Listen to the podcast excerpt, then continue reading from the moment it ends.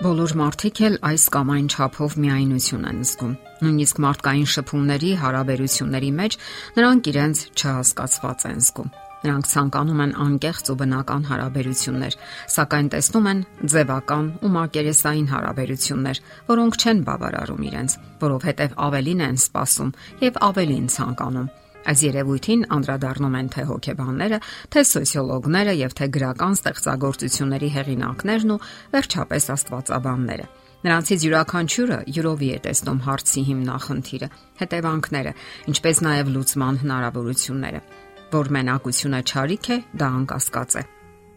Ֆլոր Էգգի ստեղծագործություններից մեկում այսպիսի հատված են կարդում,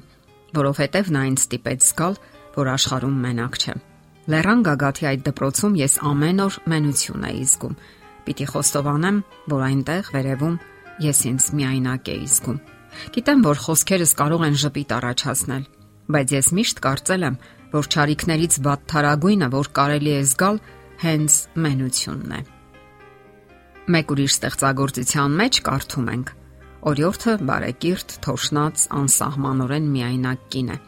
Մենությունը նրան ավելի բարեկիրթ է դարձրել։ Գրեթե ամեն ինչի համար ներողություն է հայցում։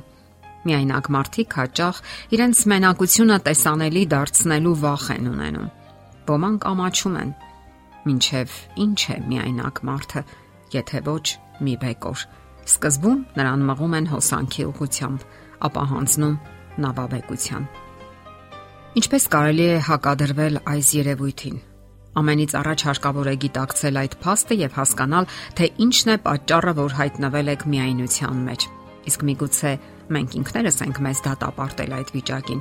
կամ մեր սպասելիքներն են շատ բարձր։ Որոշ սոցիալական ու հոգեբանական իրավիճակներ կարող են տրամադրել այդ վիճակին, սակայն դա երկար կամ հավերժ չի կարող տվել եւ հարկավոր են գիտակցական ջանքեր այդ վիճակից դուրս գալու համար։ Երբ մարդիկ անընդհատ սպասումներ ունեն եւ չեն բավարարվում եղածով, նրանք հայտնվում են մեկուսացման մեջ։ Շատ ավելի ճիշտ է գոհության ու շնորհակալության հոգի զարգացնել մեր մեջ։ Մեր շրջապատում անկասկած ապրում են շնորհակալ մարդիկ։ Նրանք ուժեղ մարդիկ են։ Իսկ ահա թույլ մարդիկ շնորհակալություն չեն հայտնում եւ միայն պահանջում են։ Ուժեղ եւ բարի մարդիկ միայն կատարում են եւ չեն պահանջում։ Ուժեղ մարդիկ մեծ նպատակներ են դնում եւ հասնում դրան Նրանք արմատական փոփոխություններ են կատարում իրենց կյանքում։ Նրանք իրենց շնորհակալ եւ մշտապես գոհ վերաբերմունքով միայն գեղեցկացնում են կյանքը։ Իսկ ահա թույլ մարդիկ անշնորհակալության սերմերն են տարածում կյանքում։ Նրանք դրանով դառնացնում են ոչ միայն իրենց, այլև ուրիշների կյանքը եւ նրանք միշտ հարկադրված են ընտրություն կատարելու այլ ընտրանքների մեջ, որոնք բոլորովին էլ իրենց կողմից չեն առաջարկված։ Դա առաջարկում է մեծամասնությունը։ Եվ կա արդյոք ավելի մեծ ուրախություն, քան գնահատել ուրիշի լավ արարքները ու տեսնել այդ մարդու ուրախությունը։ Ընդհանրապես հարկավոր է հասկանալ, որ մեր ժամանակավոր երկրային կյանքում ամենակարևորը մարդկային գեղեցիկ ու ազնիվ հարաբերություններն են եւ այդ հարաբերությունների հետևում իր մեծ ու կարևոր տեղն ու դերն ունի շնորհակալությունը։ Պետք չէ տրվել ժամանակի հովերին։ Ժամանակակից հարաբերությունները մակերեսային են ու ձևական։ Դրանք պատասխանատվություն չպահանջող հարաբերություններ են։ Մարդիկ երբեմն եւ ժամանակ չունեն եւ ցանկություն ձեզ ժամանակ տրամադրելու։ Ընթունեք դա որպես փաստ եւ համակերպվեք միանգամայն բնականon ձևով եւ մի պարտադրեք, որովհետեւ դա ավելի մեծ լարվածություն է ստեղծում հարաբերություններում։ Ինքներդ տվեք նրանց, ովքեր ունեն ձեր կարիքը, հենց ձեր կարիքը։ Եղեք տվող անznավորություն, այլ ոչ պահանջող։ Եթե սկսեք պահանջել, շատ արագ կհայտնվեք փակուղու մեջ։ Մենությունն իհարկե ունի իր պատճառներն ու հետևանքները։ Մենության դատապարտված մարդիկ կարող են անխոհեմ արարքներ թույլ տալ իրենց վրա ուշադրություն գրավելու համար Դրանք անհուսությունից ծնված արարքներ են։ Ամերիկահայ գրող Վիլյամ Սարոյանը այսպիսի միտք է արտահայտում. Քեզ համար ամեն ինչ փոխված է, բայց միաժամանակ նույնն է։ Մենությունն ու թախիցը, որ դու զգում ես, այն պատճառով է, որ այլևս երեխա չես, բայց ամբողջ աշխարհը միշտ լեցուն է եղել այդ մենությամբ ու թախիցով։ Մենությունը պատերազմից չէ, պատերազմը չէ, որ այն ստեղծեց։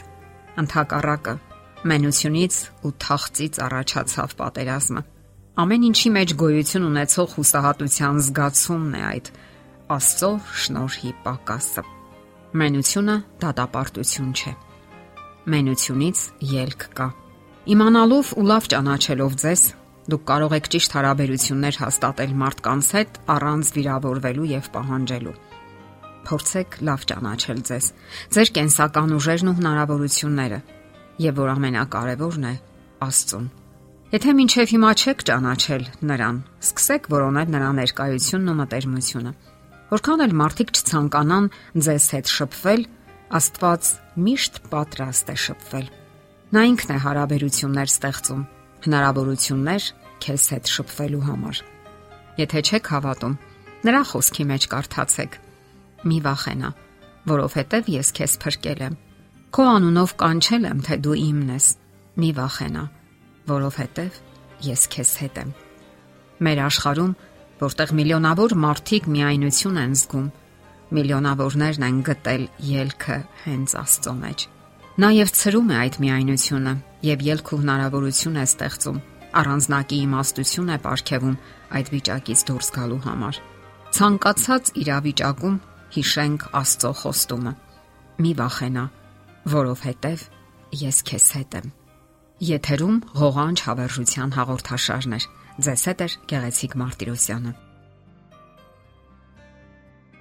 Հարցերի եւ առաջարկությունների համար զանգահարել 033 87 87 87 հեռախոսահամարով։